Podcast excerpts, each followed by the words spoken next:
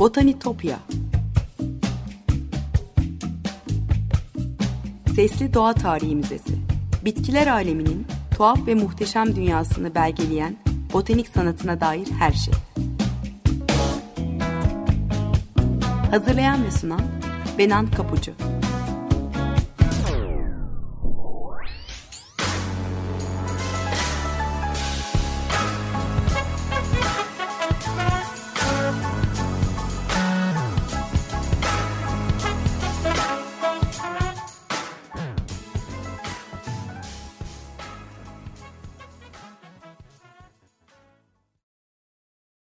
Merhaba sevgili Açık Radyo dinleyicileri. Botanitopya'ya, bitkiler aleminin tuhaf ve muhteşem dünyasına hoş geldiniz. Anlatıcınız ben Benan Kapucu. botanitopya.gmail.com elektronik posta adresinden ya da aynı adlı Twitter hesabından her zaman bana ulaşabilir. Yorumlarınızı varsa katkınızı paylaşabilirsiniz. Yayın sırasında bazen eş zaman olmaya çalışarak bahsettiğim konuları görsellerle de desteklemeye çalışıyorum. O yüzden Twitter hesabımı özellikle takipte kalırsanız çok mutlu olurum. Eski program kayıtlarına da Spotify'dan Açık Radyo Podcast üzerinden ulaşma şansınız olduğunu da tekrar hatırlatmak isterim. Sevgili dinleyiciler bugün güzel gölgesiyle, derin kovuyla insanlığı korumuş, kollamış, ulular ulusu meşe ağacından dem vuracağız biraz. Prometheus ateşini meşe odunuyla yakarak düşünmesi, hayatın anlamını sorgulaması için insanlığa ışığı armağan etmişti. Meşe ağacının tanrısallığından medeniyetimize sonsuz katkısından konuşacağız ama önce botanik özelliklerine, yayılımlarına bakalım biraz. Meşe kayıngiller familyasının Quercus cinsine ait ağaçların ortak adı.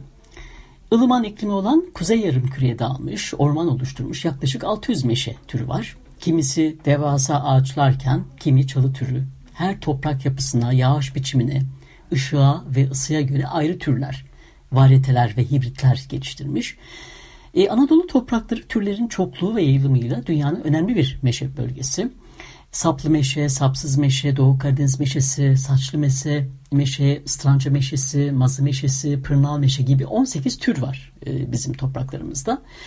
E, çoğu yaprak döken, azı her dem yeşil kalan kermes meşesi e, Akdeniz ikliminin taşlık yamaçlarına ve özellikle makilik alanlara kök salmış çalılar. Quercus e, coccifera yani. Istranca meşesi Quercus batvitsana Bulgaristan'dan Kafkas'a uzanan e, bir alana dağılmış. E, Zonguldak'ta Yenice ormanlarında 40 metre boylanan e, ıstranca meşeleri var.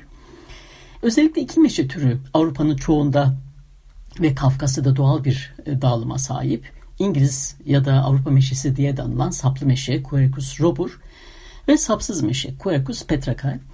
İki tür genel görünüm olarak birbirlerine çok benziyor ama ortak adlarına yansıyan önemli botanik özellikleriyle ayırt edilebiliyorlar. Quercus robur'un e, kısa yaprak sapı veya meşe palamudu kabanı tutan yaprak sapları, pedinkülleri var. E, bu yüzden saplı diye biliniyor. E, sapsız meşe dediğimiz Quercus petracap e, saplı meşeden e, palamutlarının sapsız yaprak diplerinin kulaksız olması ile kolayca ayrılıyor. E, saplı meşeyle melez yapan bireyleri de var ama çoğunlukla saf ormanlar kuruyor. E, Macar meşesi, ıstrancı meşesi gibi diğer meşe türleriyle de karışık ormanları var bizim topraklarımızda. Quercus robur tipik yuvarlak loblu yaprakları ve tanıdık meşe palumudu meyveleriyle hemen hemen her yaştan herkesin kolaylıkla tanıyabileceği ikonik bir ağaç. Tür adı robur ağacın sert kerestesinin gücünü ve dayanıklılığını ifade ediyor.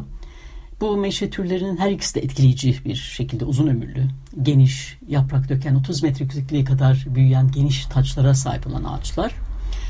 E, ortalama ömrünün 250 yıl e, civarında olduğu düşünülüyor ama bu meşeler e, polarding denen e, ağacın üst dallarının kaldırıldığı, yoğun yaprak ve dal başının büyümesini destekleyen budama sistemiyle budandığında yaklaşık bin yıl yaşayabiliyormuş. E, uzun yaşadıkça ululaşan bir ağaç. Tanrı yerine konması da boşuna değil elbette. Quercus robur'un yani İngiliz meşesi dediğimiz saplı meşenin hem Avrupa'da hem Türkiye'de devasa boyutlara ulaşmış olanları var. Yıldız Korusu'nda Belgrad Ormanı'nda yürürken rastlamışsınızdır onlara. İstanbul'daki ağaçlardan bahsedilen seyahatnamelerde meşelerden bahsedilir bolca zaten en büyük nüfusa sahip ağaçlar arasında. Öte yandan 400 yaşına ulaşan bir meşe ağacının e, gücü azalmaya başlıyor meşe ağacının. Yaşlanma süreci boyunca doğal olarak boyut ve yükseklik azalıyor. Bodur bir biçime, geniş, içi boş bir gövdeye ulaşıyor. E, çınar gibi meşe de kütük sürgünü verebilen bir ağaç. Kolay kolay ölmüyor ve içi boş gövdesi derin kovuğu sayesinde yaşamı adeta içine alıyor. Özellikle İngiltere bu anıt e, meşelerin büyük bir kısmına ev sahipliği yapıyor. Ki İngiltere de bizim gibi meşe açısından zengin. En az 3300 yaşlı meşe ağacının olduğu tahmin ediliyor. Bu diğer tüm Avrupa ülkelerinde bulunan yaşlı meşelerin toplamından daha fazla. E, Christina Harrison ve Tony Kirkham'ın yazdığı Remarkable Trees kitabından aktarıyorum bu bilgileri. E, bugüne dek ulaşan bu anıt ağaçlar İngiltere'de tarihsel nedenlerden dolayı da korunmuş aslında. 11. yüzyılda William the Conqueror'ın kurduğu orman kanunu sisteminde asillere avlanma hakkı ve geyik parkları verilirken yalnızca kral tarafından avlanabilecek av hayvanların yaşam alanlarını korumak amacıyla e, kraliyet ormanları oluşturulmuş. Bu orman rezervlerinde herhangi bir ağaç kesmek yasaklanmış. O zamanın anlayışına uygun bir doğayı koruma biçimi diyebiliriz belki. Daha sonra parkların özel mülkiyeti, deniz aşırı ülkelerden kereste tedariki olması ve yıkıcı savaşların olmaması gibi tarihsel gelişmeler de İngiltere'nin meşe ağaçlarının sürekli korunmasını desteklemiş. Son olarak eski, içi boş ve dolayısıyla işe yaramaz kereste ağaçlarının kesilmesine yol açan modern ormancılık uygulamaları da henüz yoktur ortada tabii. Yaşlı meşeler kereste için iyi olmayabilir ama önemli bir ekosistemin temelini oluşturuyor ve 2000'den fazla mantar, briofit, liken, böcek ve kuş e, türlerini destekleyen çok çeşitli flora ve fauna için yaşam alanı sağlıyorlar. Meşelerin 300'den fazla vahşi yaşam türüyle yalnızca bu ağaçta yaşayan özel organizmalarla diğer yerli İngiliz ağaç türlerinden çok daha fazla ilişkili olduğu söyleniyor. E, Birçok anıtsal meşe ağacının karakterini tanımlayan isimleri de var İngiltere'de. E, 10.7 metre çevresiyle İngiltere'deki en büyük, en yaşlı meşe ağacı Sherwood ormanındaki Major Oak yani binbaşı meşe gibi. Yaklaşık 900 yaşında ve en ünlülerinden biri. Robin Hood ve adamlarının onun 28 metre genişliğe yayılan ve artık çökmesini önlemek için metal desteklerle desteklenen geniş kanopisi altında saklanmış olduğuna dair söylenceler var. E, paleolitik çağda meşe ağacının kovuğunda yaşayan insanoğlu yerleşik hayata geçince kutsal meşe ağacını ev yapımında kullanmaya başlamıştı ki bugün de öyle. Hasan Torlan meşe ağacının Anadolu kültürüne olan etkileri makalesinde ee, Anadolu'da Neolitik çağ evlerinin tam ortasında yer alan ve evin çatısını ayakta tutan meşe direğinden söz ediliyor. E, Tanrıçaya adanan bir sunak işlevi gördüğü için e, palamudun da yiyecek olarak e, kullanıldığı anlaşılmış bu yapılan e, arkeolojik kazılarda. E, ahşabının gücü ve dayanıklılığı e, nedeniyle meşe çelikten önce ev yapımında, mobil yapımında ve gemi yapımında kullanılarak bir nevi İngiliz tarihinde şekillendirmiş. E, Remarkable Trees kitabına bakalım yine. 1512'de e, 8. Henry'nin Tudor donanmasının karak tipi savaş gemisi Mary Rose yaklaşık 600 büyük meşe ağacından kereste kullanılarak inşa edilmiş. Büyürken bunlar kabaca 16 hektarlık bir ormanlık alanı kaplıyordu. 200 yıldan fazla bir süre sonra 1765 yılında 5000'den fazla meşe ağacı Nelson'ın 1805'teki Trafalgar Savaşı'ndaki amiral gemisi HMS Victory için kereste sağlamış. Meşe aynı zamanda yüksek statülü binaların yapımında da önemli bir bileşen. 660 tonun üzerinde meşe kerestesi 1393'te Londra'daki Westminster Hall'un muhteşem çatısını inşa etmek için kullanılmış. 1670'te e, 14. Louis'nin Maliye Bakanı Jean-Baptiste Colbert'in emriyle Fransız donanması için kereste sağlamak üzere oluşturulmuş Büyük Forêt de Tronquay ormanı Fransa'nın ortasında hala sapsız meşelere ev sahipliği yapıyor. E, meşe ağacında yaşayan birçok böcekten birinin yani Andricus collari'nin insan uygarlığı üzerinde büyük bir etkisi var. Bunu da söyleyebiliriz. Meşe gallerine neden olduğu için. Parazit veya simbiyoz olarak bitki üzerinde yaşayan böcek, nematot, akar, bakteri ya da mantarların neden olduğu tahriş ve beslenme fizyolojisinden doğan olumsuzluklara karşı bitkilerin savunma tepkimesi olarak oluşturdukları anormal büyüme şeklinde gal deniyor. En kompleks, en iyi organize olmuş gallerin birçoğunu gal arıları e, Himnoptera sinipida e, yapıyor. Bu gal 1800 yılı aşkın bir süredir yazılı olarak kullanılan demir e, gal mürekkebinin üretiminin ana bileşenlerinden biri olan tanik asit e, içeriyor. Ölü deniz parşömenleri, Magna Carta gibi birçok önemli eser bu mürekkeple yazılmış. Newton teorilerini, Mozart ise müziğini meşe mazı mürekkebiyle kaleme almış. Neredeyse 200 yıl boyunca bu meşenin ahşabı İskoç viskisi üretimi için de e, üreticiler tarafından, kooperatifler tarafından kullanılmış. Yasal olarak İskoç viskisi olarak adlandırılabilmesi için en az 3 yıl meşe fıçı da olgunlaşması gerekiyordu. E, fıçı çıtalar için ısıyla bükülebiliyor. Sıkı dokusu, camar yapısı sıvı sızmasını engelliyor. Öte yandan gözenekli yapısıyla oksijen alırken yağların veya vanilinlerin dışarı çıkmasına izin veriyor e, meşe ahşabı. E, viskinin tadını etkileyen de bu. Benzer nedenlerle meşe fıçılar da dünyanın her yerinde şarabın yıllandırılması da kullanılıyor ve onun tadını, karakterini belirliyor. Avrupa meşeleri ne yazık ki meşe kese güvesi e, dahil olmak üzere birçok egzotik zararların da tehdit altında. E, güve tırtılları olgun meşelerin yapraklarını dökerek onları diğer zararlı organizmalara karşı savunmasız bırakabiliyor. E, akut meşe düşüşü, kabuk böceği ile ilişkili enfeksiyon hastalıkları e, 4-5 yıl içinde olgun bir ağacın ölümüne yol açabiliyor. Evet sevgili dinleyiciler bu noktada bir müzik arası verelim isterseniz. E, Björk'ten dinleyelim Ütopya. Birkaç dakika sonra tekrar beraber olacağız. Merhabalar tekrar. 95.0 Açık Radyo'dasınız. Botanitopya'da meşe ağacından konuşuyoruz. İlk bölümde hayatımızın çok içinde olan bir anlamda Avrupa tarihinde şekillendirilmiş saplı meşeden Quercus robur'dan konuştuk. Mantar meşesi Quercus de anlatacağım ama ondan önce farklı kültürlerde nasıl sembolik anlamlar yüklenmiş bu tanrısal ağaç ona bakalım. E, ilk bölümde de söylediğim gibi Paleolitik çağdan beri onun kovuğunda yaşamış insanoğlu. Friklerin Kibelesine, e, Keltlerin Danasına ve Antik Yunanların Artemis'ine hep meşe koruluğunda tapınılırmış. Bir Artemis ilahisinde şöyle der. Efes'te deniz kıyısında bir meşe ağacı altında senin için bir heykel diktiler der.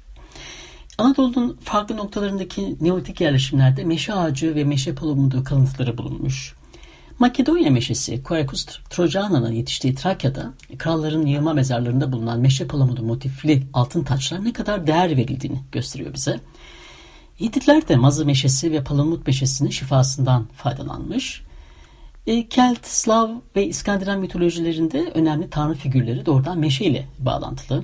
Devasa tanrı heykellerini meşe ağaçlarından yapmışlar. Druid rahipleri gün batımı sırasında Stonehenge'deki taşlar arasında tanrıça Dena için yaptıkları ayinlerde meşe odundan yapılmış meşaller taşırlarmış. Kısırlık tedavisi için ritüellerinde kullandıkları ökse otu meşe ağaçlarında yetişiyor. Yeni yılda ökse otunun altında öpüşme geleneğinde buradan geldiğini söylüyor kimi araştırmacılar. E, Keltler yünleri kermes meşesinden elde ettikleri kırmızı boyayla boyarmış. Kırmızı Anadolu kültüründe biliyorsunuz albastıya nazara karşı koruyucu bir renk olarak biliniyor. E, kırmızı boya kermes meşesi üzerinde yaşayan ve kırmızı olarak bilinen bir böcekten elde ediliyordu. O yüzden bu meşeye e, kırmızı kermes meşesi deniyordu. Kırmızı rengin adı da buradan kökenleniyor. Hasan Torlak'ın makalesinden aktarıyorum size yine. E, Antik Yunan'da kahinler rüzgarda meşe ağacının yapraklarından çıkan sesleri dinleyerek gelecek tahmininde bulunurlarmış. Roma uygarlığında ilk insan meşe ağacının ilk insanın meşe ağacından doğduğunu inanılırmış. Meşe palamutlarının buğday ve arpa gibi tahıllar yaygınlaşmadan önce öğütülerek e, meşe palamutlarından ekmek yapılırmış. E, bu da bu hikayeyi destekliyor elbette. Alman mitolojisinde de meşenin doğurganlıkla ana tanrıçayla bir ilişkisi e, var. Bu vurgulanıyor. Hatta bizde seni leylekler getirdi cümlesine benzer bir biçimde anneler çocuklarına seni meşe ağacından aldık der Alman kültüründe. E, meşe tacı Roma uygarlığında askeri cesareti ödüllendirmek için verilen nişanlardan biri. Sezar devleti kurtardığı için senato tarafından meşe tacı ile taltif edilmiş. İmparatorların saraylarının kapısında meşe yapraklarından oluşturulmuş bir çelenk asılırmış. Yeni yıl gelmeden önce kapılara benzer şekilde çiçeklerden oluşturulmuş çelenk asma geleneği de e, buna dayanıyor. Orta çağda e, ağacın altında mahkemeler kurulur ve ölüm hükmü dahil birçok önemli karar meşe ağacının gölgesinde alınırmış. İskandinav efsanesinde de Tanrı Odin'in hüküm verirken kurduğu ve iki kuzunuyla beraber meşe ağacının altında oturduğu anlatılır. E, hem Mısır hem İspanya'da meşe palamutları toz haline getirilerek ekmek yapımında yine kullanılırmış. E, palamutlar ayrıca kül içinde közlenerek de tüketilirmiş. E, meşe ağacının e, palamutlarının e, ağacın sahibi olmayan arazisine düştüğünde palamutların arazi sahibinin olduğuna dair bir kanun maddesi var. E, meşe palamutlarını korumak için. E, Amerika kıtasında da yerlerin yoğun olarak yaşadığı bölgelerde meşe ağaçları Avrupa'dan gelenlerin gelenekleriyle birlikte yine sembol olmuş. Akmeşe yani Quercus alba ulusal ağaç ilan edilmiş. Evet, e, mantar meşesine gelirsek Quercus subers'den bahsedelim yine biraz. Christina Harrison ve Tony Kirkham'ın yazdığı Remarkable Trees kitabından aktarıyorum size yine. 234 yıllık olgun yaşına gelmiş dünyanın en eski ve en büyük mantar meşe ağacı Portekiz'in Aguas de Mora kasabasında yetişiyor. E, dallarında tünleyen yüzlerce ötücü kuşun sesinden dolayı ıslık mantarı meşesi olarak biliniyor bu ağaç. 1988 yılında ulusal bir anıta e, dönüştürülmüş. E, boyu 16 metreyi aşıyor ve gövdesini sarmak için kollarını sararak uzatmış 5 kişiye ihtiyaç var. E, mantar meşesinin ürettiği mantardan onun faydalı bilim e, tanıyor olmamız yeni bir şey değil. Fransa'da Grand Ribot açıklarında M.Ö. 6. ve veya 5. yüzyılda tarihlenen bir gemi enkazdan çıkarılan Etrüsk amforaları e, dikkatlice mantar tıpayla kapatılmıştı. Milattan sonra 1. yüzyılın sonunda e, Romalı yazar yaşlı Plinius ünlü eseri doğa tarihinde mantar meşe ağaçlarına atıfta bulunarak kabuğun e, çapa halatları, balık ağları için şamandıra, fıçılar için e, tıpalar ve kışlık ayakkabılar, kadın ayakkabıları için taban olarak nasıl kullanıldığını anlatmış, açıklamış. Tarım üzerine yazan bir başka Romalı yazar Columella, ısıyı eşit yayıp kuruduğu için mümkün olan yerlerde mantardan arı kovanları yapılmasını tavsiye etmiş. E, mantar meşesi yavaş büyüyen fakat uzun ömürlü, yaprak dökmeyen ve 20 metreye kadar boylanabilen bir ağaç. E, geniş bir yayılma atacı var. Genellikle ağacın yüksekliğinden daha geniş bir gölgeye ulaşıyor. Bireyler ortalama 200 yıl kadar yaşayabiliyor. İber Yarımadası'nda Portekiz ve İspanya'da ayrıca Fas, Cezayir ve Tunus dahil olmak üzere Kuzeybatı e, Afrika'nın kıyı bölgelerinde serin ve nemli kışları ve sıcak ve kuru yazları yaşadığı tüm bölgelerde doğal olarak yetişiyor. E, hafif parlak yaprakları dikenli, meşe palamutları da sonbaharda olgunlaşıyor. E, bu ağacın en ünlü olduğu e, kısım kalın, sağlam, e, derin çıkıntılı ağaç kabuğu. E, kabuk o kaplaması. Quercus süper bir pirofit yani yangınları tolere edecek şekilde adapte olmuş. Kabuk, e, su ve çözeltilerin hareketine engel olan ve mantarı bu kadar kullanışlı bir malzeme yapan özelliklerden birini sağlayan süberin e, maddesi içeriyor yoğun olarak. Bu da onu çok değerli kılıyor. E, kabuk ilk olarak bir e, yaklaşık ağaç 25 yaşına geldiğinde belirli bir boyuta ulaştığında hasat ediliyor ağaçtan. E, bu işlem eğitimli, yüksek vasıflı hasatçılar tarafından elle e, geleneksel bir biçim olan keskin bir balta kullanılarak ve hiçbir makine kullanılmadan Mayıs'tan Ağustos'a kadar gerçekleştiriliyor. E, büyük kavisli kabuk bölümleri ağaca zarar vermeden, öldürmeden veya kesmeden gövdeden çıkarılıyor. Bu da onu sürdürülebilir bir mahsul, yenilebilir bir kaynak e, yapıyor elbette. Kabuğu çıkarıldıktan sonra her 9 yılda bir genellikle bir ağacın ömrü boyunca yalnızca 12 kez yenilenip yeniden soyulabiliyor.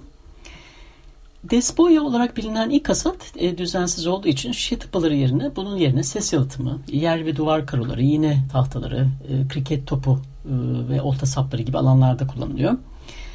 Mantarın şarap ve şampanya şişe tıpaları için e, gerekli olan kalitesi yalnızca 3. soymada elde edilebiliyor. E, Avrupa genelinde mantar endüstrisi her yıl 300 bin ton mantar üretiyor ve yaklaşık 30 bin kişi istihdam ediyor ve mantarın %15'i şişe tıpası olarak yapılıyor. Mantar meşelerine o kadar saygı duyuluyor ki dünya mantarın %50'sini üreten Portekiz'de yaşayan bir ağacı kesmek yasa dışı ve yaşlı ve verimsiz ağaçları kesmek için de gerçekten özel izin gerekiyor. E, mantarın yalıtım özellikleri de değerli. E, Orta Çağ manastırlarından NASA'nın uzay programına kadar mantar uzun zamandır e, sıcağa ve soğuğa karşı koruma sağlamak için yalıtım olarak kullanılıyor.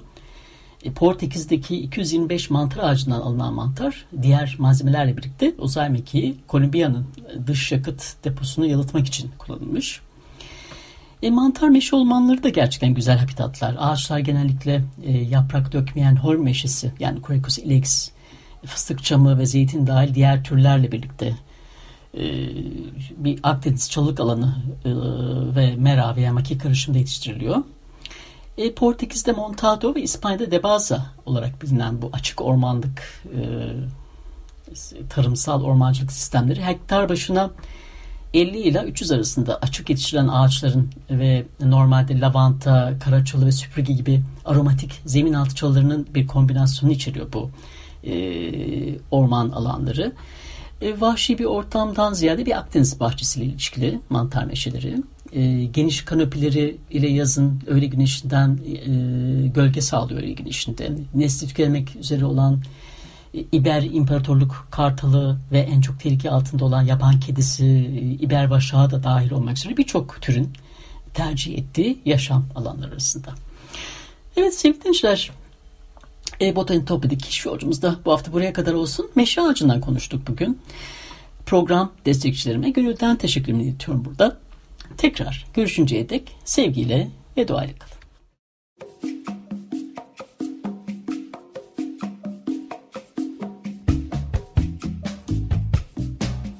Botanitopya